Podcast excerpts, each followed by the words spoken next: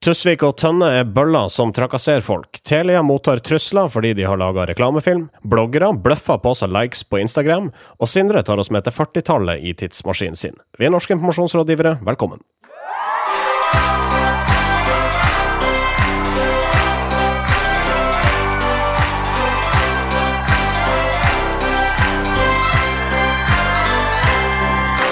Jeg heter Marius Skjerve Staulen, har med meg Sindre Holmen borti der. Ja da, det har du, vet du. Og Marius T borti der. Du, hei, hyggelig å se deg. Du, hvordan går det med uh, din land, nå etter hvert landsomfattende kampanje for å få folk til å slutte å si influensere og heller begynne å si bloggere? Eh, det går eh, Jeg vil ikke si at jeg har møtt så mye motbør. Eh, jeg har ikke møtt så mye bør i det hele tatt, egentlig. Men, men jeg merker det man, hver gang jeg legger ut litt sånn rødpennretta bilder, hvor jeg fjerner influensere og skriver blogger, så får, vi litt likes, da. Jeg, føler, jeg føler på en måte det at Det er i hvert fall litt sånn sofaaktivismenivå på, på in interessen. Så ser vi om vi klarer å få den lille gnisten til å bli en flamme.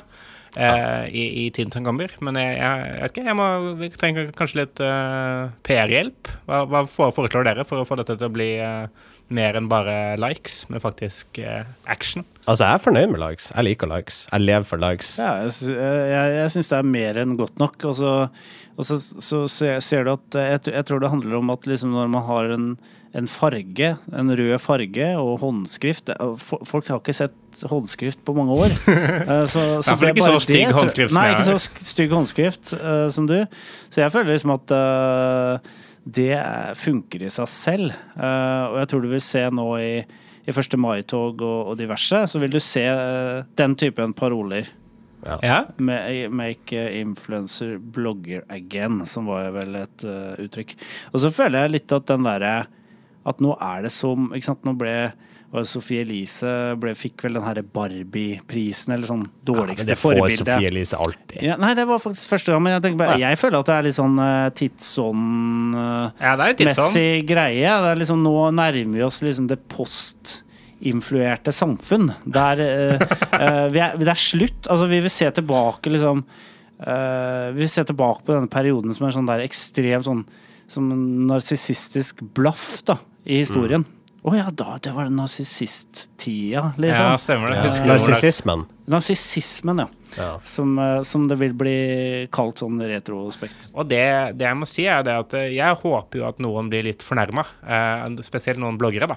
Eh, det syns jeg har vært litt eh, altså Ikke nødvendigvis gøy, men det er litt eh, viktig, da. At, at, at noen eh, Jeg blir på en måte deres tredje statsmakt, da. Når Altså, den de- tredje det- statsmakt faktisk Ja, bare skriver hende- artikler om bloggere. Ja, det kan Ja. hende de blir, eh, blir provosert av det, men de vil jo neppe godta å bli kalt bloggere. Så du kommer liksom aldri i gang med den diskusjonen, antageligvis. Altså, de kommer aldri inn der, for de tenker nei, bloggere, det er ikke meg. Ja, jeg, ikke jeg, jeg kunne kanskje tenkt, tenkt meg å bli eh, fått satt, satt opp en sånn paneldebatt sammen med United-bloggere, da. Ja. Uh, uh, for, for Forente bloggere, mener du? Forente bloggere, for, for å diskutere dette her, da.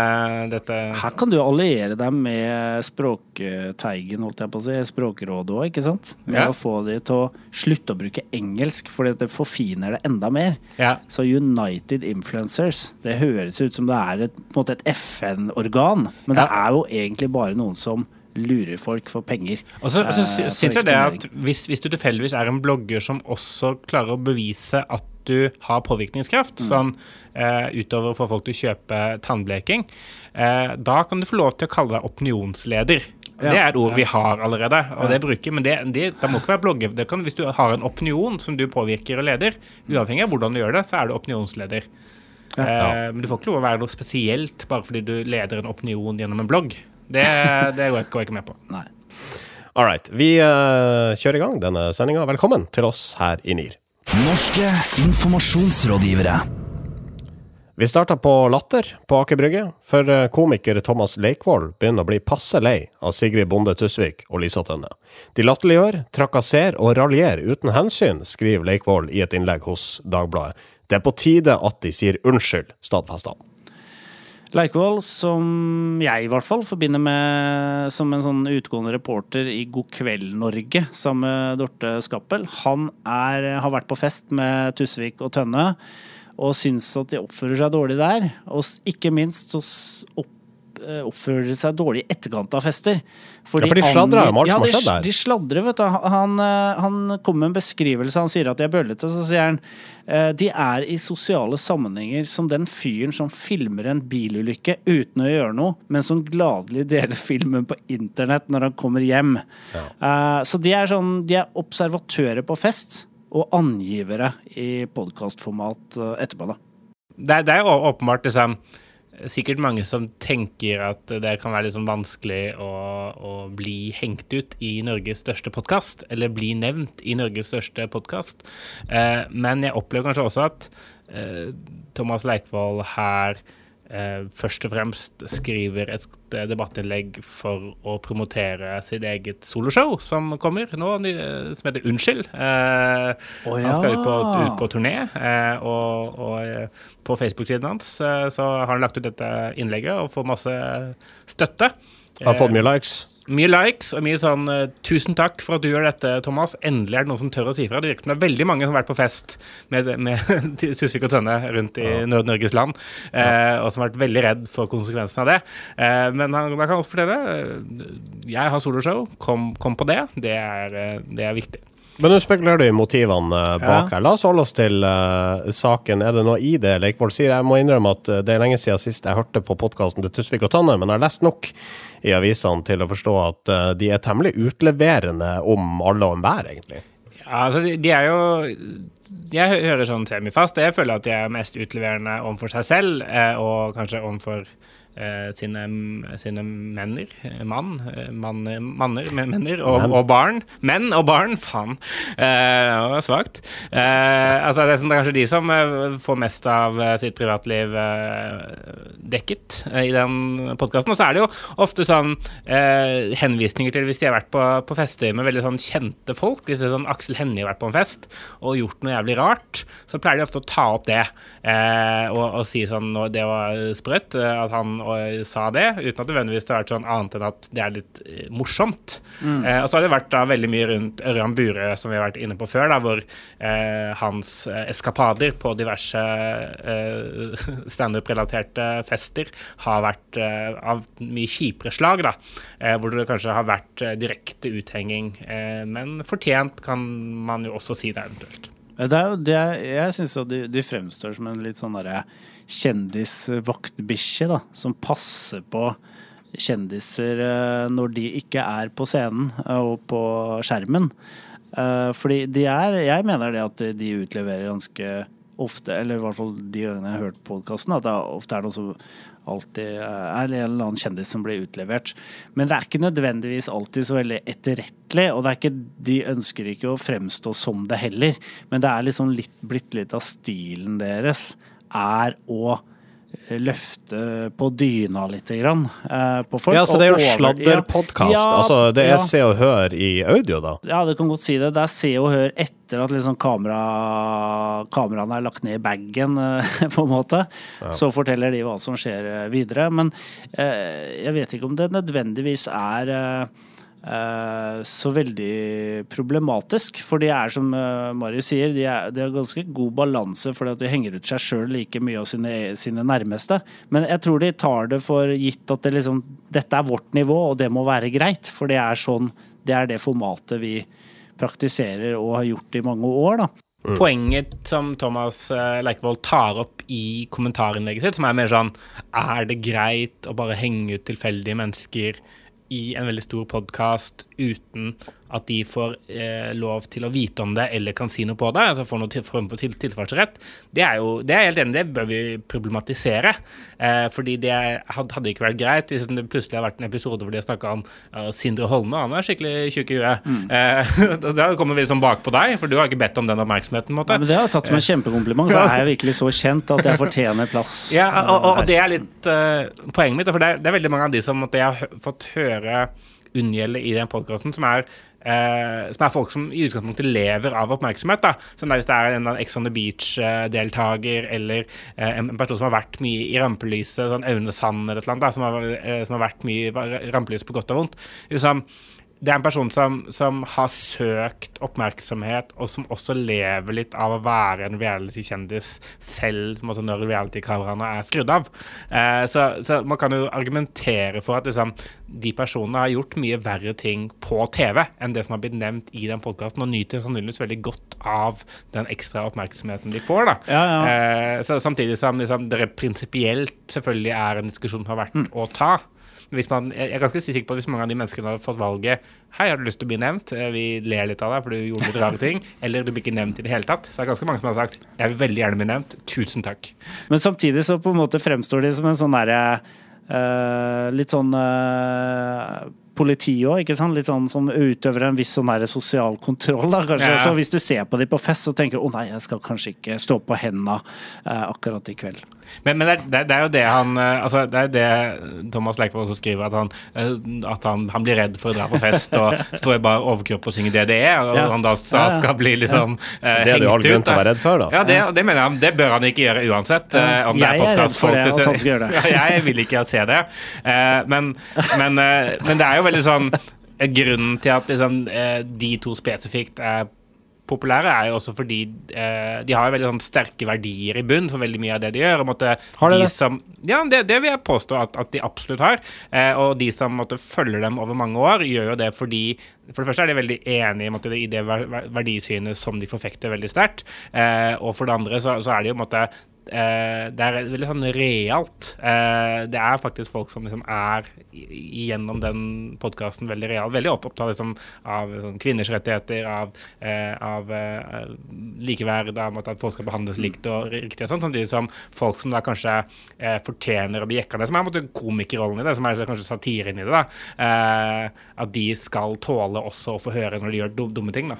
Altså, jeg vil si at uh, Tusvik og Tønne er på en måte vår tids eh, Statler and Waldorf. Altså de to gamlingene i Muppet Show som, eh, som kødder med alle, alt som skjer nede på scenen, og som kommenterer og, og fleiper eh, og ler av hvor dumme andre er. Eh, Statler og da- og Waldorf de var kanskje litt mer ute på høyresida forhold til Tusvik ja, det, det husker jeg ikke. Jeg var ikke Nei, ikke heller. Jeg var ikke poli politisk engasjert på den tida jeg så Muppet Show, men, eh, men det var noe befriende ved det. At faen, de, de, de er drøye, men det er litt, digg, det er litt deilig òg. Norske informasjonsrådgivere. Telia har mottatt alvorlige trusler etter at de publiserte en reklamefilm med oppfordring til alle typer mennesker om å være seg sjøl og å være fri. Det melder Dagbladet. Grunnen til internettraseriet denne gang er at to av karakterene i filmen har hijab på seg, eller den ene tar den av, og en annen tar den på. Undertonen er selvsagt at begge deler er greit, da.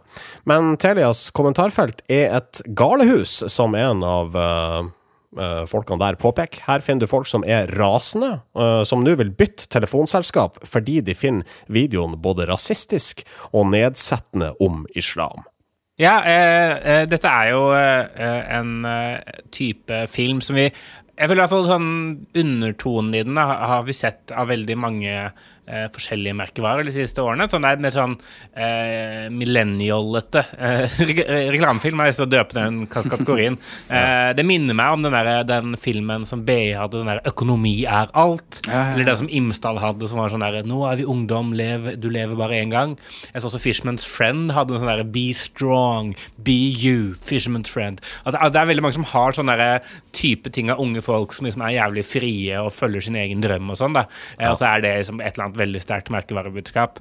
Eh, og, og for eh, eh, Telia så er jo da frihet en verdi som eh, også jeg har sett måte, andre teleselskaper beviselig har lykkes med å måtte knytte opp til sine, sine merkevarer. Fordi frihet innenfor telefoni har kanskje vært enda viktigere før, hvor det var sånn veldig vanskelig å få god nok dekning, og på måte, det der faktisk eh, få mobilen til å funke, var et issue. Nå snakker jeg veldig ut fra et Oslo-perspektiv mobilen alltid funker. Jeg vet ikke hvordan det er på stranda og sånn. Eh, det, det får du gjerne skrive inn og fortelle om hvis dere ikke har 4G. Men, eh, men for de aller, fleste er kanskje da dekning ikke så ille lenger, da, men likevel så prøver man å holde fast på denne, denne verdien eh, av frihet. Og frihet kan da tolkes på mange måter. Reklamebyrået i denne filmen har jo da valgt å annet tolke det til at man kan elske hvem man vil, man kan eh, gå med eller uten hijab og uttrykke religion akkurat som man vil, osv., osv. Eh, og det er det jo noen få som ikke syns er greit. Ja. Eh, og det får jo da all oppmerksomheten også. Det er jo en uh, vågal uh, vei å gå, kan man si, uh, for Telia. Men, men Telia er jo litt sånn som Telenor. Det er, det er et premium uh, mobilmerke som egentlig snakker til folk med, en, ja, med god lønn. Urbane, kanskje, med kanskje li, liberale verdier. Altså, de Som er jo- veldig opptatt av frihet. ja, som er opptatt av frihet og, og liker den type verdier som de snakker om i de reklamefilmene. Altså Blant disse menneskene som er i målgruppa til Telia, så resonnerer denne reklamen. Ja, det tror jeg helt klart det gjør. Eh, altså, det, denne type reklame kunne ikke funka uh, på MyCall. Som Hvorfor jo, Nei, uh, det tror jeg ikke. For det, der har du en eh, målgruppe som er stort sett utlendinger. Som eh, skal ringe mye hjem. Ja, men det er jo det. Hvis du ser på reklamen til Michael, så er det veldig mye priskommunikasjon. Og det er eh, boards på polsk og Ja. arabisk og den type ting. Ja. Og det er klart at her ville, jo en, her ville man risikert å støte fra seg en ganske viktig målgruppe, hvis det var Michael som står bak. Men siden Vi er tror ikke på frihet i Polen. Det, Eh, Det var dine ord, heldigvis. Uh, skal ikke ha det på meg. Men, men det er noe med at uh, det er ikke så rart at uh, Telia, som er den uh, premiemerkevaren som det er, at de eh, snakker på den måten de gjør. Eh, mens OneCall, som er en merkevare som skal treffe de som er mest opptatt av pris, og, og eh, med, med prisbudskap. Men vi har diskutert det før eh, i denne podkasten. Dette higet enkelte virksomheter synes å ha til eh, å ta en aktiv del i samfunnsdebatten, og i enkelte tilfeller i ganske sånn betente spørsmål. Hijab-debatten er betent. Eh, ville det kanskje ha lønt seg, selv som prater til ei liberal eh, gruppe kunder, bare å drette i det og, og, og prate om noe annet? ja, det, det er det jeg er litt sånn usikker på. Jeg, fordi Vi, vi snakka om det med, med Nike, med Skjelett, nå med Telia, eh, hvor man måtte tar et eller annet sånn betent budskap og så bruker det som en sånn tydelig holdningsmarkør da, eh, for å få, tiltrekke seg en gruppe kunder. og eh, Så lenge man gjør det bevisst og vet liksom hvem man er ute etter, og sånn økonomisk, hvis det er det som er, er, er det viktigste, eh, økonomisk at liksom, det er nok mennesker i den målgruppa til at du kan fortsette å tjene penger, så er det jo fornuftig. Men, men det som det som uh, Telia skal være obs på, er at måte, mobiltelefoni er et veldig sånn generisk produkt i Norge. Så det er måte lett for da, de kundene som eventuelt er veldig uenig i dette, å bytte til Telenor, som da bare kan, kan la være å kommentere det og fortsette med disse glade trønderfilmene ute i havgapet, eh, re- reklamene sine. Eh, og, og, og samtidig så er det jo da viktig her også å si at eh, dette henger også sammen med en annen ting vi har snakka om, nemlig disse trollene. Eh, fordi her får en ganske liten gruppe mennesker veldig mye oppmerksomhet fordi de er, måtte, er veldig sterke i uttrykket sitt mot Telia. Eh, men det er måtte, ikke bevist at dette er noe som veldig veldig mange er sinte på. Men det er noen, liksom, det er kanskje 200 stykker da, i dette kommentarfeltet som har uttrykt veldig sterk misnøye og mener at dette er jævlig ille. Eh, men sannsynligvis så angår det ikke så veldig veldig mange flere. Så akkurat i dette tilfellet kan det også hende at liksom, Telia egentlig ikke løper så veldig stor risiko uansett. da. Ja, altså, jeg syns de helgarderer seg litt i den uh, filmen òg. Ja, for det er en dame som tar på seg en hijab og er stolt av det, og en annen dame som tar den av seg. Så det er på en måte Ja. de nuller De Men- men- utligner hverandre litt. Men det, det, det ser jeg for meg at det har vært liksom, når, når reklamebyrået først har vist filmen, så har det vært sånn, sånn Ja, vi er litt redde for det hijab. Kan vi ha noen som også tar den på seg? Bare sånn for å safe litt. For å ta vekk brodden. Ja, så- ta ja, sånn at det egentlig blir helt streit, liksom. Det er noen som faktisk føler seg frie når de tar den på seg. Ja. Er ikke frihet også på en måte å ta den på, da? Kan vi ikke si det? Ja. Å velge, på en måte. Altså kan vi ikke ha med et lite klipp der kvinner ikke har stemmerett? Ja. Det er et ork! Det er deilig å bare lage mat hvis man helst vil det. Og de der white supremacy-folka klipp, eh, forsvant i klippen litt Ja, tilfeldig, det. litt tilfeldig, tror jeg. Men eh, de, de skulle også egentlig med. Norske informasjonsrådgivere. Instagrammeres kjøp av følgere og engasjement på postene sine er den største svindelen i markedsføringsbransjen. Det mener Steven Bartlett i selskapet Social Chain, som holdt et foredrag om dette under South by Southwest i mars. 1,6 milliarder dollar vil bli brukt på Instagram i år alene, opplyser han. Antar det er USA-tall. Og i løpet av et par år vil et sted mellom 5 og 10 milliarder dollar bli brukt på bloggere. Nå har Social Chain laga et verktøy som søker å avsløre svindlete oppførsel i jakten på følgere, likes og kommentarer. Vi hører et klipp fra en video her. Other marketeers use the engagement per post as a method of identifying how influential a creator is. Currently, this is the most common way of deciding what to pay an influencer. However, there are now hundreds of apps that allow you to buy likes, views, and for a couple of dollars, you can buy and write your own comments. If you can fake it for a few dollars, it's not worth paying attention to. Forget the engagement number. Ja, det var min uh, venn av podkasten og kjæreste av undertegnede, uh, Marte, som, Takk, Marte. Uh, som tipset oss om denne filmen. og Den, den måtte, måtte vi se. Eh, og, Og det, er, det er kun derfor vi har den eh, saken i sendeplanen. ja, det, det kan vi jo si at Hvis dere blir sammen med en av oss, så får dere saker på sendeplanen. Det er eh, et slags sånn Patron-nivå som du ikke kan betale for. Men eh, eh, uansett eh, så, så fikk vi dette tipset, og det, det syns jeg er verdt å snakke om. Fordi det er sånn to, to, noen gode følelser og noen dårlige følelser. her. De, de, de gode følelsene først er det at jeg tror han har helt rett, at det er ganske mange Instagram-kontoer som er unaturlig høye. Eh, både når, når det kommer til antall følgere og antall liksom, kommentarer på de følgerne. Hvis man, hvis man måtte lese gjennom en sånn random eh, Instagram-kommentarfelt, så er det veldig mye sånn der bare tagging av et eller annet random brukernavn, eller sånn bra, eller wow. Det er bare noe, bare noe emojis. Og, og det er noe som er veldig lett å fake. Ja. Hvordan faker man det? Nei, man må jo bare sette opp masse da forskjellige kontoer, og så må man ha noen som faktisk da sitter og kommenterer og liker. Du må jo ha en sånn Du har- farm du har sånn av folk. Klikkfarm, ikke Ja, som ja. sitter i et, et eller annet uh, u-land og, og måtte få betalt for å gjøre dette. Men mobil har de. Mobil har de, ja ja. Så det kan ikke være så har de råd til. ille stilt. Ja, altså. Nei, men, men det er jo, det er jo blitt en, en, en valid måte å tjene penger på.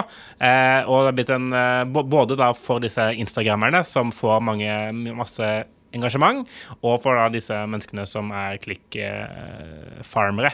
Eh, men men eh, problemet her er at det er ganske mange merkevarer som ser at oi, shit, eh, eh, hun her eller han her har eh, sykt bra engagement rate eh, på sine, sine poster. Hvis vi da i Fishman's Friend kjøper litt eksponering på hennes Instagram, så kommer vi også til å få masse, masse kommentarer. Folk kommer til å digge vår merkevare eh, og vår verdibaserte eh, merkevareplattform. Eh, Så måtte, sånn sett, eh, hvis dette stemmer, og hvis de måtte kan avdekke det, så er jo det veldig positivt. Jeg kan- jo tro at eh, store, ganske kjente folk som har en i utgangspunktet stor fanbase, ønsker å fylle på med fake likes for å holde nivået liksom jevnt eh, høyt. Og det vil jeg tro er eh, et stort problem. Eh, men det, jeg tror det er et enda større problem på de som ligger på kanskje sånn La oss si at du har 7500 følgere. Det er ganske mye sånn hvis det er måtte, ekte folk som følger deg, og du har klart å bygge opp det. Så er det da veldig fristende å få kanskje liksom, Du kan få kanskje 5000 ekstra da, over noen måneder liksom, ved å betale noen, så får du 50 om dagen eller noe sånt. Eh, det er jo veldig fristende, for da kan du selge det til et eller annet, et eller annet brand og få da masse Eller i hvert fall få 20 000 kroner for det, kanskje. Og det er veldig mange sånn 18-19-20-åringer som eh, Jeg sier ikke at de nødvendigvis har dårligere moralsk kompass, men kanskje de ikke nødvendigvis tenker gjennom konsekvensene av å gjøre det faktisk, da, når de får da 10 000 av en eller annen merkevare, sånn hva det egentlig betyr. Eh, for der sitter, sitter folk med utdanning som har jobber med dette og har beslutta at de skal få de pengene, eh, og vil ha noe igjen for det. Og hvis det ikke går, så er det jo svindel, på en måte. Ja, det er jo svindel. Det er, det er jo ren svindel. Altså, du selger et produkt du vet ikke eksisterer. Ja. absolutt. Eh, så, det er, så det er veldig viktig å av, avdekke det. Men, men det, det med på en måte hva skal jeg si, irrelevante uh, følgere, altså det, det er en, vil jeg tro er en greie fra før. Altså jeg bare reagerer på en ting. Er Mulig jeg høres ut som jeg er 80 år gammel nå, men jeg, jeg, jeg hørte på den podkasten til Joe Rogan, og han hadde en sånn derre Uh, veldig sunn uh, veganer som trente masse i, i studio. Uh, og så gikk jeg inn på Instagrammen og begynte å følge han der gjesten. Og jeg engasjerte meg ikke annet enn å bare begynne å følge. Og et, etter det så begynte sånne veganer-bodybuildere å følge meg. Og da begynte jeg. Hva er det som skjer? Nei, Du har ingenting her å gjøre, tenkte jeg. Uh, og det er også et merkelig fenomen, for antageligvis gjør de det fordi de ser at Ja, du har, de går At- gjennom antall- hans følgere Ja. og legger til de. For Da. da tenker de at ok, kanskje det er en sjanse for at du vil følge meg også. Ja, eller, eller at Eh, de siden tenker at, at dere har sammenfallende interesser, og dermed kan kontoen din være interessant å følge. Ja. Ja, Hvis man går inn på Konrad Sindre, det er ikke veganer-innspo man får med seg der. Det, Nei, det er sånne hestehoder på trikken og veldig sære, obskure greier. men, men, men det må jeg si meg. Men jeg må også si at eh, da det som gir meg dårlige følelser i denne filmen, er jo filmen i seg selv. For den er jo ek- ekstremt dramatisk laget. Her er det musikk som bygger seg opp, og det er sånne der, uh, pauker. Sånn der, du, du, du. Og, og han sier AI, og det er uh, tall og grafer, og det virker sykt fancy. Og jeg tror, og det ender jo egentlig med at han prøver å selge det, dette verktøyet. Vi kan jo bare ta med et par setninger om dette verktøyet. da. Hvordan fungerer det? Altså, de eh, Social Chain, Selskapet Social Chain hevder å ha laga et verktøy som skal klare å spotte disse kontoene som, som baserer seg på fake reach. Ja, det han sier er at de vil hjelpe AI, eh, hva nå enn det Ja. betyr, det har vi jo lært, det betyr ingenting, for det fins jo ikke. Datamaskin. Eh, enda, ja, datamaskin. Ved hjelp av datamaskin har de da funnet en måte å avdekke eh, bloggere, eh, eller in instagrammere, eh, med fake reach og fake ja, Og kanskje mer da det han kaller eh, falskt engasjement, da. Fordi at de har en sånn kurve han viser på eh, hvordan en vanlig engasjementskurve ser ut, hvor den bygger seg opp sånn sakte over tid. Og så har de klart å gjenkjenne da mønsteret på falske engasjementskurver, som da Ah. kommer veldig kjapt. Eh, og måtte ikke organisk, nesten kjappere enn det som måtte er mulig. da. Eh, så man mener at alle da med en sånn kurve, blant annet, de vil da Det var en indikator på at de måtte kjøpe følgere eh, og kjøpe eng engasjement. Men da. jeg er ganske sikker på at det er mennesker som har funnet ut det her. Eh, Og, og det skulle ikke forundre meg om vi Nei, om, noen, om noen måneders tid eh, kan avsløre at det er en sånn derre farm av folk som sitter og finner ut av dette her manuelt. Falsk ja. Det er, det er manuelt. Gutenberg. Pergamentrull. Tresko. Brevdue. Elektronikk. Fax. Nintendo 8-bit. CDR. Ja, ja, jeg sender pressemeldingen på Telex. Sindres tidsmaskin. Ja, for nye lyttere, dette her er en eh, spalte hvor vi reiser eh, rundt i verden, men også tilbake i tid. Sindre er kaptein i Tidsmaskinen. Dette er de spalte. Ja, dette er en eh, tidsmaskin laget av eh, AI eh, og VR, AR AR og IKT. alle IKT. IKT, ikke minst. Det ligger i bunnen. IKT. Eh, vi, og vi reiser i tid, uh, som du sa, og sted. Uh, denne gangen skal vi til 1947. Ja, Det er Ja. Det er altså de, de Ja. rolige årene post andre verdenskrig. Ja, ikke sant. Da, da, da, da Norge begynte å liksom komme til hektene igjen, da. Uh, Dette er året da Norsk sau- og geitealslag blir stifta.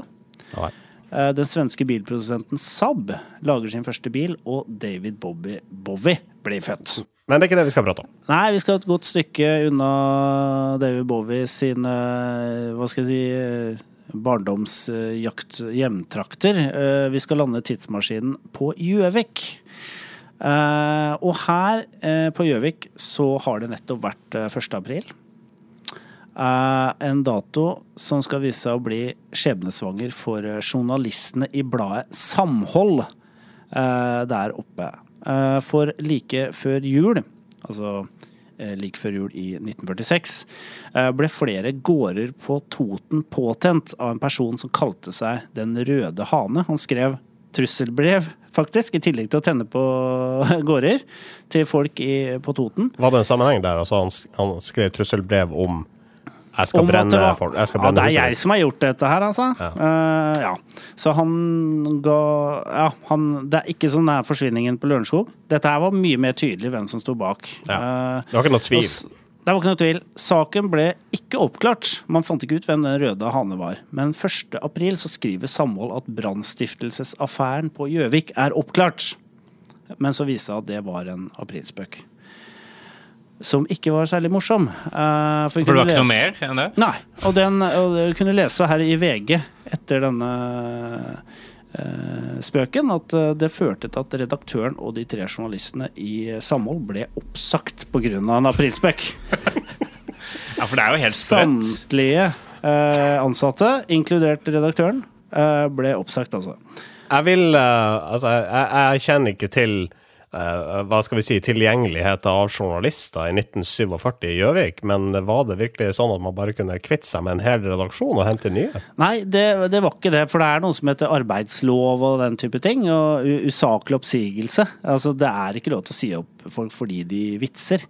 Eh, og du kunne lese i VG eh, uka etter, altså 15. april, at eh, journalistene har fått tilbake jobbene sine. Etter påtrykk fra leserne eh, på, eh, på Hedmarken. Jøss. Så det var litt tøffere tider den gangen. Litt eh, Ting fikk konsekvenser, da. Skal vi reise tilbake til vår egen samtid? Ja, vi får gjøre det. Norske informasjonsrådgivere. Vi tar med i sendinga at Nike har lansert eh, smartsko. Hva er det? Sko med lisser som kan styres med en app på mobilen. Det skal ifølge Nike gi perfekt eh, passform når du skal ut på basketballbanen. Det melder poptech.no. Men det hjalp lite på lanseringsdagen. Da krasja nemlig appen. Ja, for da eh, skulle listene eh, oppdateres.